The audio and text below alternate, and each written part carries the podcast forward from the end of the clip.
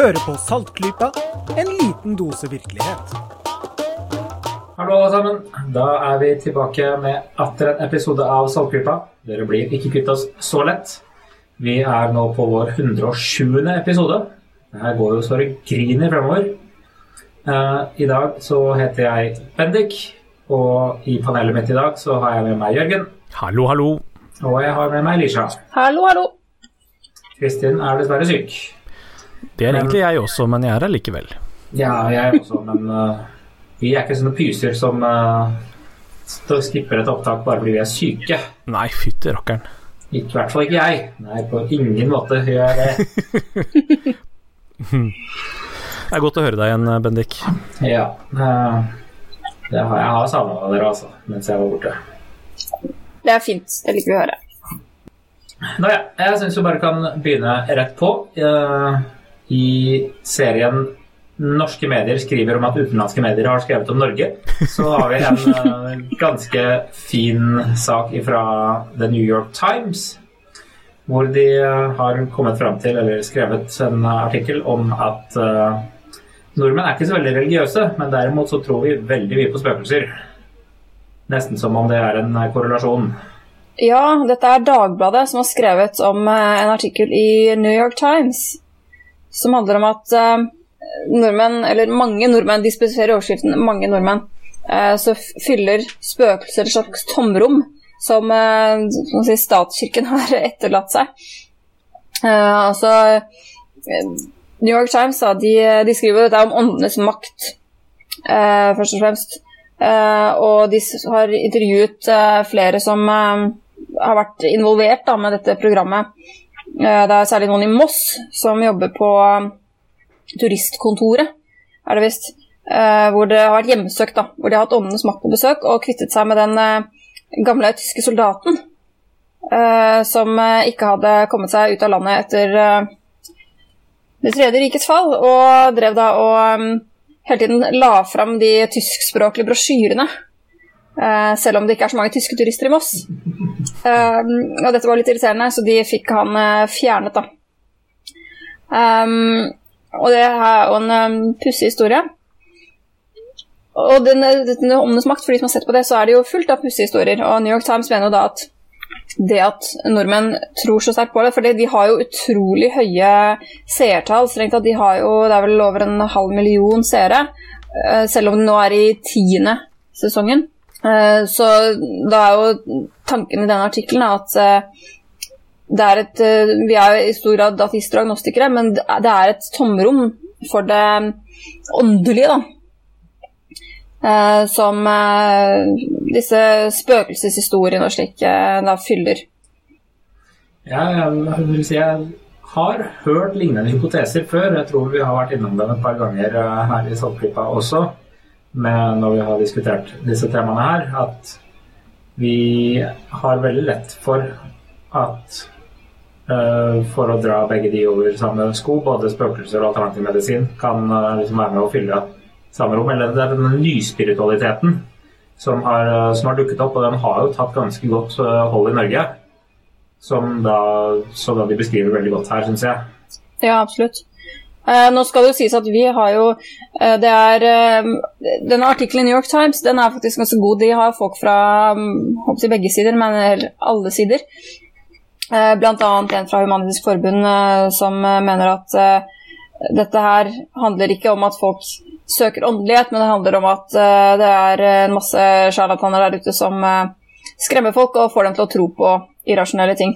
Um, men det er klart at det faktum at Norge, da, etter hva forskningen viser, er, eller nordmenn, er Europas mest lettlurte folkeslag, eh, det kommer jo også inn her. For det er klart, eh, når man hører at denne har en så høy seertall, denne serien, og det er um, ti sesonger og likevel så mister ikke interessen, det er klart det er en del penger i det. Og Jeg leste ganske nylig om hva delvis programleder Tom Strømmenes eh, tjener på dette her, og hva eh, Det var hun Lilly Bendris da, som var nevnt, men hun er vel ikke den eneste eh, såkalt klarsynte de har. Hun også tjener jo ganske så bra på dette her. Mm. Så det er klart, hvis Hvis du har da lettlurte mennesker, og det er det virkelig ingen mangel på her i landet, eh, og du har noen uh, skruppelløse individer som ønsker å tjene penger, og det er det ikke noe mangel på noe sted i verden, Uh, så trenger det ikke være så mye åndelighet involvert for at vi finner en forklaring på um, at folk da blir eh, skal vi si, ledet inn eh, på denne veien. Men eh, på den annen side så er det jo disse, spøkelsesgreiene. Den New York Times-artikkelen er veldig fokusert på dette med spøkelser. Mens det er jo veldig mye annet også. Det kommer de til litt lenger her. De skriver om alternativmessen og sånn. Og det er jo veldig mye annet også som nordmenn tror på. Og hva skal man si Um, vier sin tid til. Uh, selv om de da ikke går i kirken, så bruker de mye tid og ikke minst mye penger på ting som er like mye en snakk om tro som noe du ville gjort uh, i noen norsk kirke.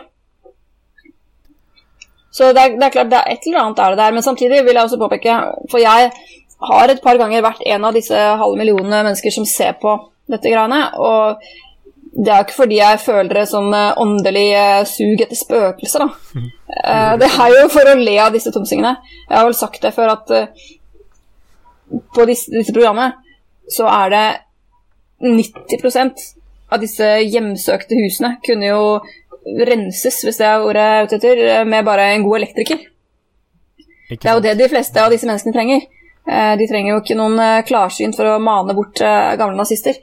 Um, så det er ikke sånn, tror jeg, da, at en halv million mennesker sitter og tar dette her for gospel truth. Altså, det, det, kommer ikke frem i artikkelen. Um, jeg, jeg, snakket, altså jeg, pleier ikke å se på det, for jeg blir så irritert. Men uh, jeg har jo snakka med en del folk som ser på det, og som gjør det for å le av det. Og Se på rare mennesker. Så det er jo en del ja, av det, men så er det også en del de som ser på det for å se på rare mennesker, som også sier sånn at ja, det er jo en del som er veldig overbevisende, da. Så Ja, noe må det jo være i det. Ja. Sier de. Og det sier jo han eh, programlederen også, at han har sett så mye at eh, han eh, må tro på dette her. Det, det, det må være noe i det. Og det er klart, det er litt av faren. For det er, det er veldig sånn De programmene jeg har sett av dette her, så har det vært veldig lett å gjennomskue, da, som regel. ikke sant? De sier at ja, her nede i kjelleren så ramler ting ut av skapene. Helt uforklarlig. Og så får de disse programmet Ja, da vi var nede i kjelleren i går, så ramlet jo uh, alt dekketøyet ut. Og akkurat da filma vi ikke. Pokker. Det var dumt. Mm -hmm. ikke sant? Så det er jo mye sånn Hvis du tror på alt det du får servert, så kan det virke ganske overbevisende. Men ser man eh, med et kritisk blikk på det programmet, så er det jo åpenbart at her er det en god del eh, redigering og sånt noe eh, på gang. Og som sagt så er det der ganske mye penger i det. Så jeg skjønner godt at de vil eh, holde det gående, eh, hva man skal si. Men hvis du da sitter og tror på det, som om det du virkelig Det du ser, er det du får, liksom. Så kan jo mange bli ganske overbevist om at eh, som sagt, det er noe i det. Og det er kanskje noe av det jeg syns er eh, det verste med det her. Det, det, som er virkelig ille med den serien, her, er at du får jo folk til å tro på ting som kan være virkelig genuint skremmende. Så på bare, det var bare promoen, eh, reklamen for et episode som jeg ikke så på, men da var det um, en av disse klarsynte som kom inn og nærmest begynte å skrike og syntes det var forferdelig. Hun kunne ikke være der, hun måtte ut, hun måtte ut. Tenk på disse folka som faktisk skal bo i det huset. Hvis de virkelig tror på dette her. Altså, folk kan jo bli psykiske skader av det her og bli traumatisert av noe som rett og slett ikke ikke har noen som helst rot i virkeligheten. Mm. For disse kommer jo og sier at nei, her har det skjedd en grusom forbrytelse. ikke sant? Her er det et eller annet mordoffer som prøver å komme seg videre til neste dimensjon, eller hva det er de kaller det. Eh, å fortelle mennesker sånne ting, da, og lure dem til å tro på det, det syns jeg er helt, uh, helt forkastelig. Ja, nå er det vel ikke første gang vi har irritert oss uh, over åndenes makt på dette programmet her. Og det blir heller ikke siste gang. Nei, det blir det nok ikke. Men altså øh, Den artikkelen i New York Times øh, den peker jo på noe som for så vidt er en relativt vedtatt sannhet. At øh, i det avkristna Norge så har åndeligheten fått et nytt spillerom da, i, i mer sånne alternative retninger med spøkelsestro og lignende. Så det er jo ikke feil det som står der, tror jeg. Nei, absolutt ikke. Nei, jeg er helt enig i, i observasjonen de har gjort. Og jeg har, vi har prata om den mange ganger før, og jeg har sett de samme trendene selv. Ja, det er nok sånn at en del personer har Delvis så har de et behov for å tro på noe som er større enn seg selv. Og delvis så har de, eh, og dette kan være to atskilte grupper selvfølgelig, delvis så har de store problemer med å tro at Eller med å slå seg til ro med at vi vet bare ikke. Det er jo det som er eh, Nå snakker med en del f.eks. sånne evangeliske kristne og sånn, så er det veldig de, de, kan ikke bare slå seg til ro med at Nei, vi, vi veit ikke åssen f.eks. universet kom til, da. De har et veldig sterkt behov for å ha en forklaring. Selv om det er en irrasjonell forklaring som at uh, Gud skapte alt. Ok, men hva skapte Gud? Nei, det er et meningsløst spørsmål. Altså, de, de, må De klarer ikke å til ro med at bare Men dette er utrolig store spørsmål, det aner vi ikke. Vet ingenting om svaret. Så det er kanskje delvis overlappende grupper, kanskje to separate grupper, men jeg tror det er nok veldig mye De to gruppene er nok disse som fyller opp dette åndelige tomrommet med ja, å tilkalle presten for å rense det hjemsøkte huset deres og andre ting som ja, som Human-Etisk Forbund mener eh, er på vei ut. Jeg er ikke så sikker på at det er på vei ut. Nei, det Man kan lure. Kan ikke si jeg deler Huff sin optimisme der. Nei, dessverre ikke. Men vi kan, men vi kan, vi kan håpe. Vi får jo lov å være optimistiske. Og så skal vi gjøre vår del for å prøve å utrydde en del av denne mer idiotiske delen av overtroen. Mm. Alle monner drar. Og fra en sak om at Norge er verdens mest lettlurte land, til en annen. Vi har nylig hatt årets TV-aksjon, som eh, har gått av stabelen. Og vi dro inn 35 millioner kroner eller noe til Regnskogsfondet. Men det har jo blitt litt snakkes om det også i ettertid. Fordi hvem er det egentlig som bryr seg om regnskogene?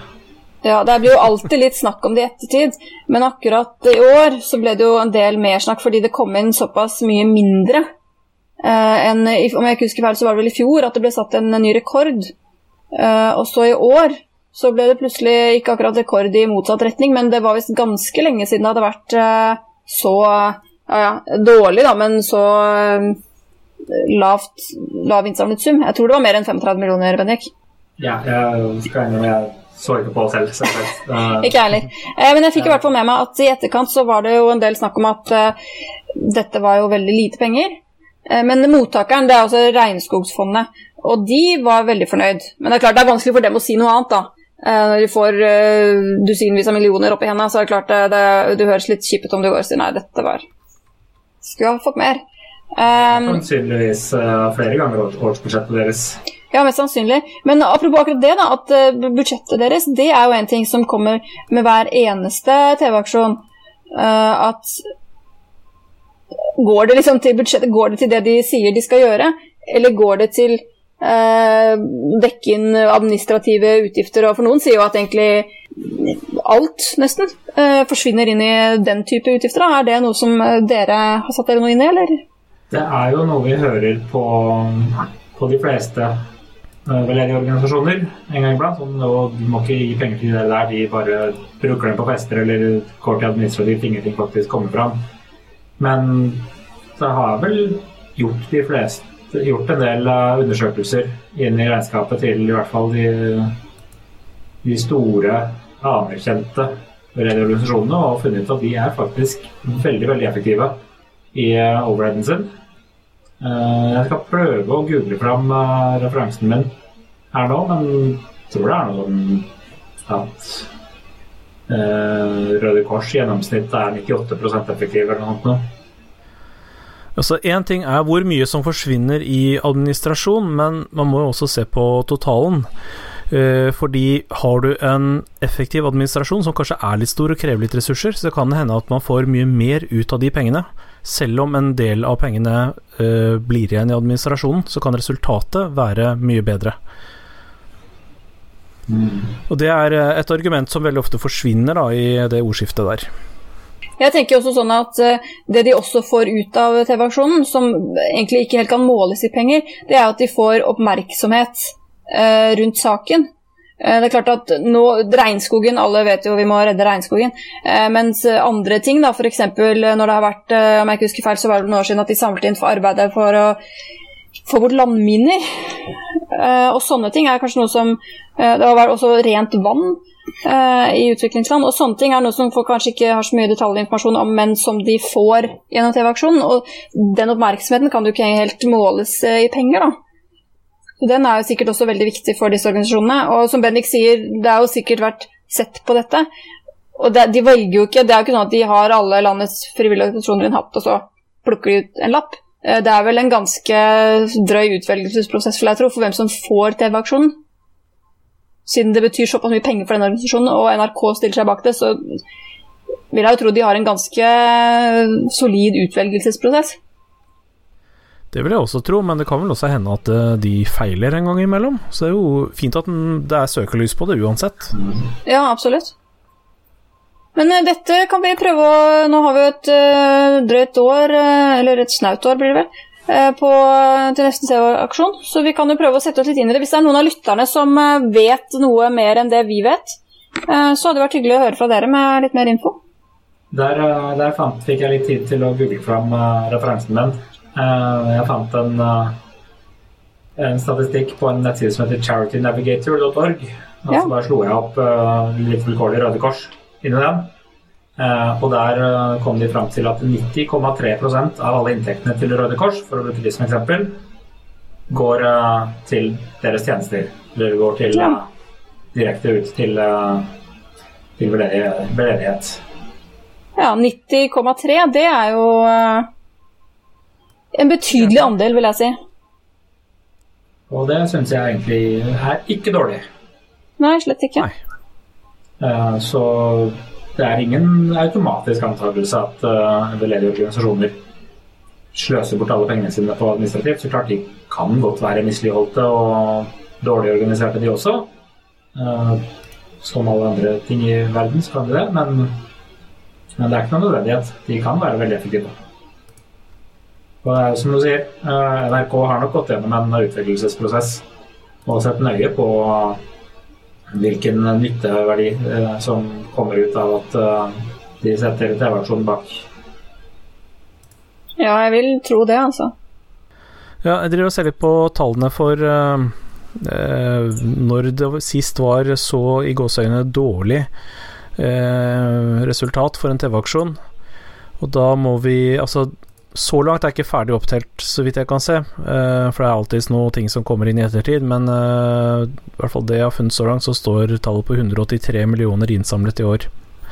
Ja. Uh, og for å finne et tilsvarende resultat, så må vi tilbake til 2005. Da var det dårligere. Ok. Hvem var det som Det er ikke så lenge siden det, altså. Så... Nei. Hvem var det som var mottaker da, ser du det? Uh, det var Fokus. Og jeg må innrømme at jeg ikke husker hva det var engang. Nei, jeg vet ikke hva de driver med. Nei. Så. Men uh, det er klart, det har også litt å si hva de uh, hva de driver med. For en del ganger når det er liksom f.eks. Frelsesarmeen som jobber med konkrete personer, og de kan si vi vil hjelpe uteliggere i denne byen til å få mat. Ikke sant? Det er veldig konkret. Eh, men dette med å bevare regnskogen Alle skjønner at teoretisk at det er viktig, men det er veldig langt unna. Vi ser det ikke. Det er ganske abstrakt. Og jeg tror det er vanskeligere å samle inn penger til, dessverre, da, eh, sånne Den type hvor du ikke kan sette et menneskelig ansikt på det. Det ser man at de har prøvd. I reklamen prøvde de veldig det med eh, barn av innfødte regnskogstammer og sånt noe. Eh, men dette kan jo se ut som de ikke lyktes helt, da. Det kan jo være så, så enkelt som at de liksom bomma på kall det markedsføringen sin og imaget, og at det ikke er selve saken. Selve saken som, som er dårligere, eller som de reagerte dårligere på, men at de hadde et dårligere produksjonsteam bak selve TV-aksjonen i år. Det kan også det være. kan være noe sånt. Og så kan det være eh, forhold helt utenfor som har påvirket folks eh, giverglede. Ja, absolutt. Det er det nok Andre politiske forhold. Det kan det også være. Det kan være 100 ting som påvirker dette her. Ja. Vi går videre til eh, andre overreaksjoner, eller underreaksjoner. Eh, dere sitter og ler når man ser. For dere vet hva som kommer. Nei, det, alle som var våkne i, eh, i forrige uke når vi nå tar opp dette her, vet jo det at Æ, bacon er kreftfremkallende! Å Nei! Skrik! ikke ta Enden er nær. baconen vår! Ja, nei, da, da ble det panikk, da. Jeg Uff uff. det, det var noen spennende overskrifter på avisene i midten av forrige uke, altså. Det skal jeg si. Og noen som eh, viste, viste veldig godt hvilke aviser som faktisk leser artikkelen, og hvilke som bare tar med seg overskriften og tar den videre. Ja. Fordi for de av dere som ikke Som fremdeles tror at bacon er livsfarlig, eller det, det er det jo, men uh, eh, For det er så farlig godt. Ja, det er farlig, farlig. Men herlig, herlig. Mhm. Eller hvordan tar en sangen går. Uh, Det hadde seg sånn at eh, Verdens helseorganisasjon kom med en eh, rapport hvor de eh, klassifiserte bacon som en eh, klasse 1 karsinogen. Det betyr at det det faktisk betyr, er at de er like sikre på at den er kreftfremkallende som, som hvor sikre de er på at røyking er kreftfremkallende.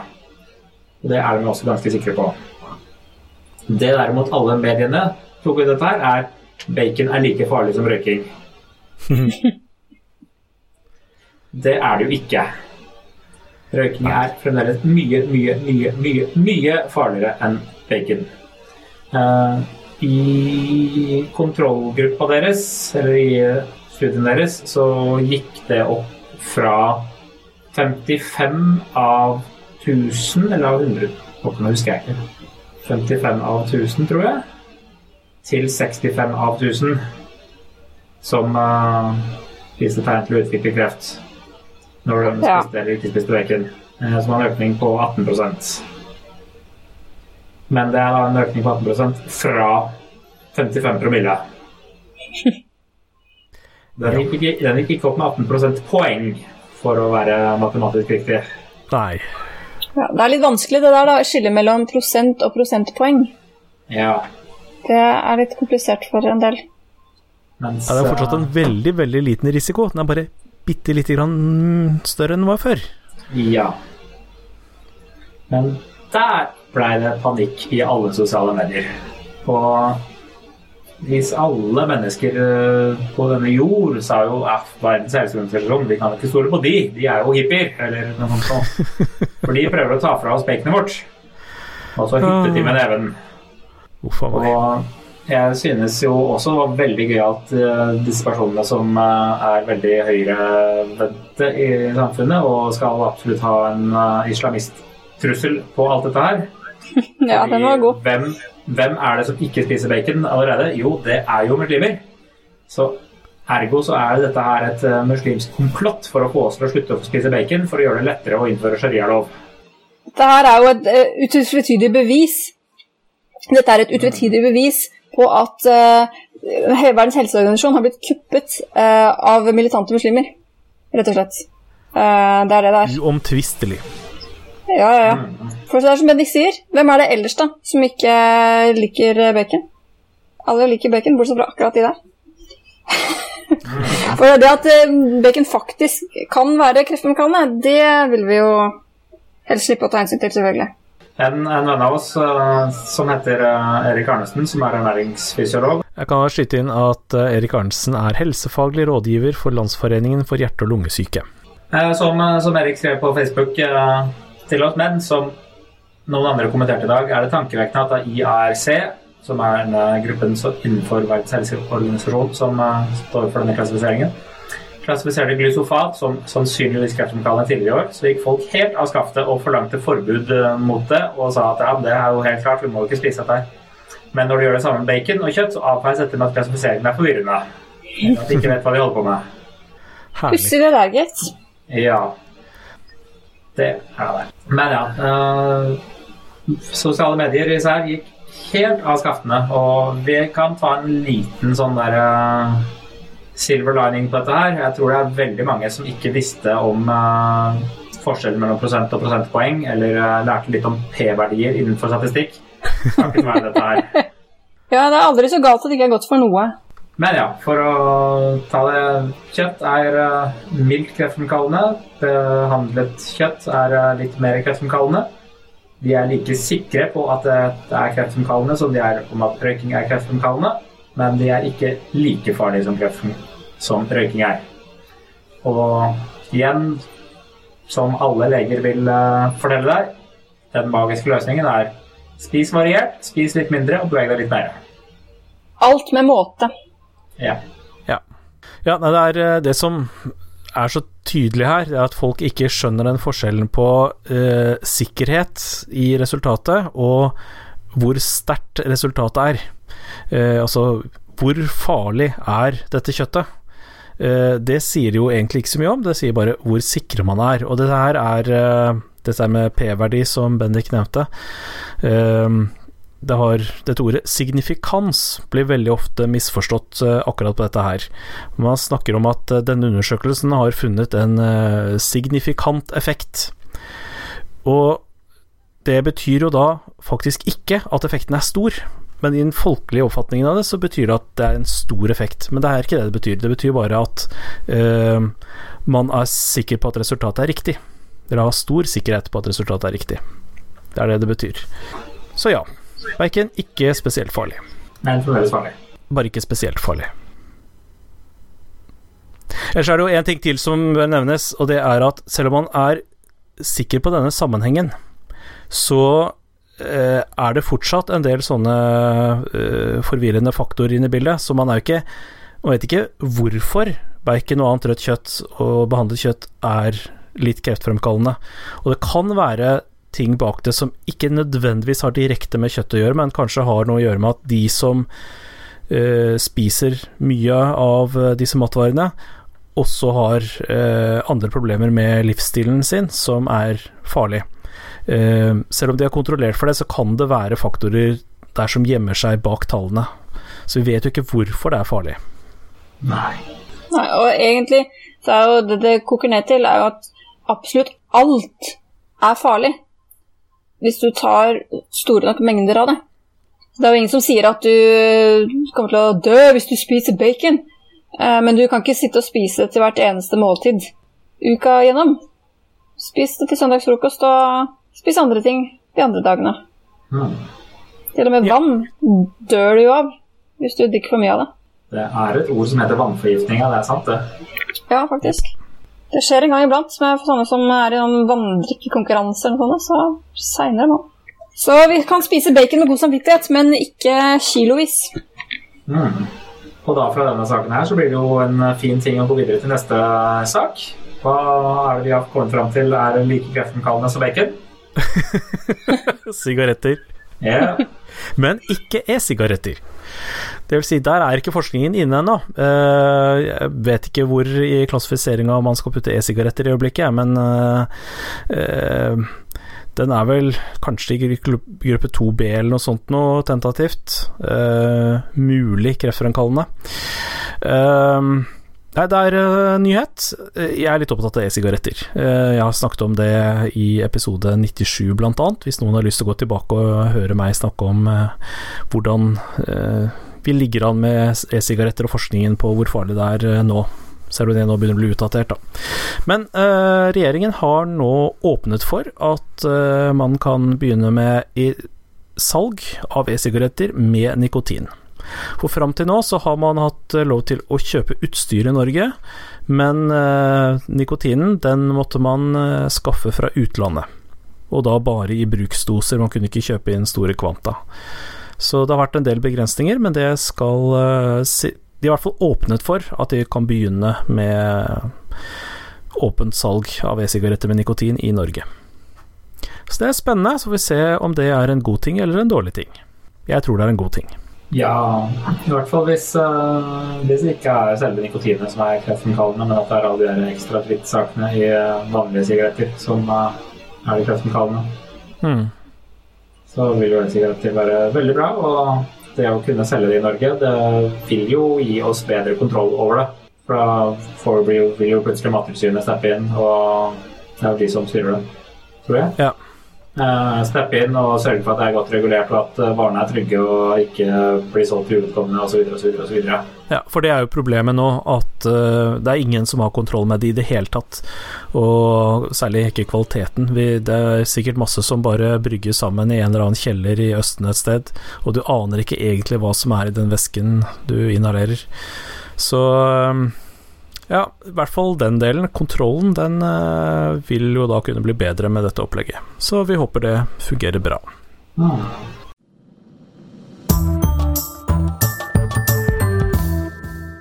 Jeg tror vi uh, går videre til ukens uh, anbefalinger.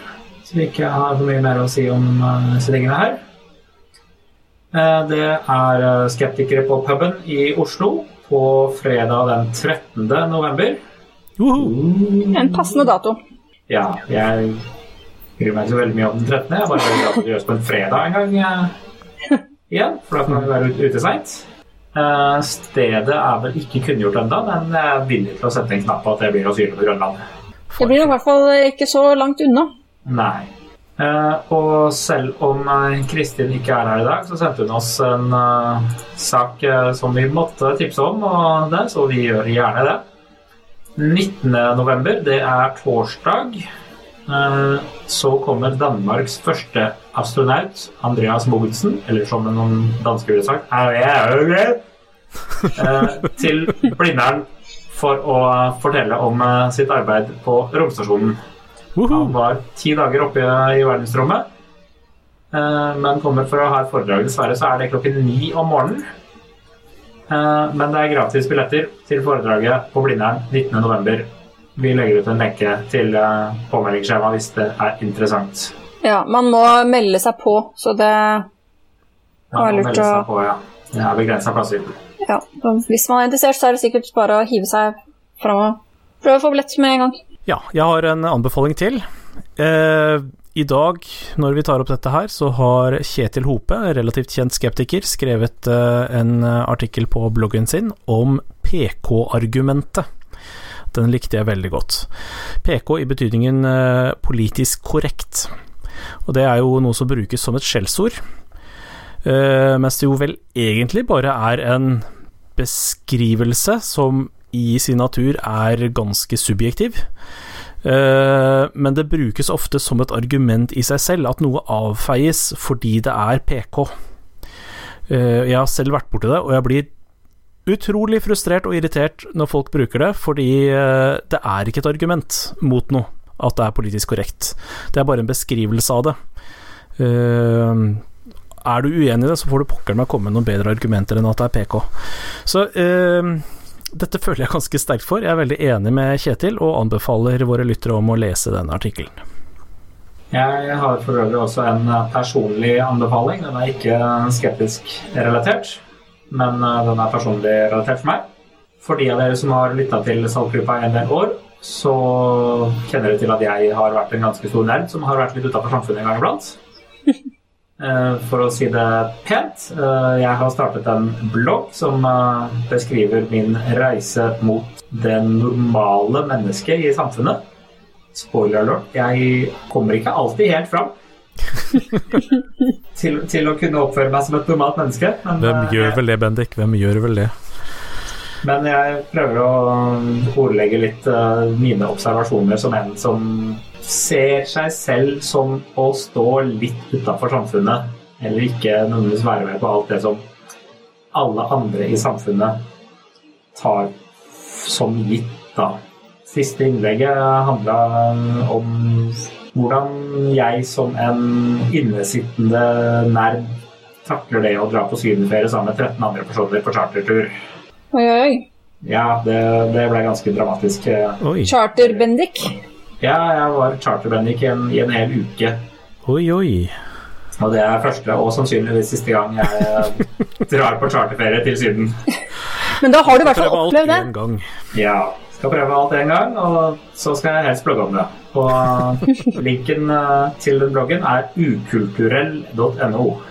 Jeg har lest noen av de tidligere postene dine, og det er eh, fin underholdning. Jeg eh, er helt med på den anbefalingen. Takk, takk. Da har vi det vi eh, skulle komme gjennom for denne gang. Da gjenstår det bare for oss å si ha det bra til alle våre lyttere. Ha det så bra. Ha det bra, og så høres vi neste gang. Og så høres vi igjen neste gang. Saltklypa lages av Kristin Lisha, Jørgen og Bendik. Har du spørsmål, anbefalinger, ris eller ros, send det til post at saltklypa.no, eller finn oss på Facebook. Lenker til alt vi har snakket om i episoden finner du på saltklypa.no, hvor du også kan abonnere på podkasten for å få hver episode levert på døra helt gratis. Takk til Smart 9000 fra Evig poesi som har laget kjenningsmelodien.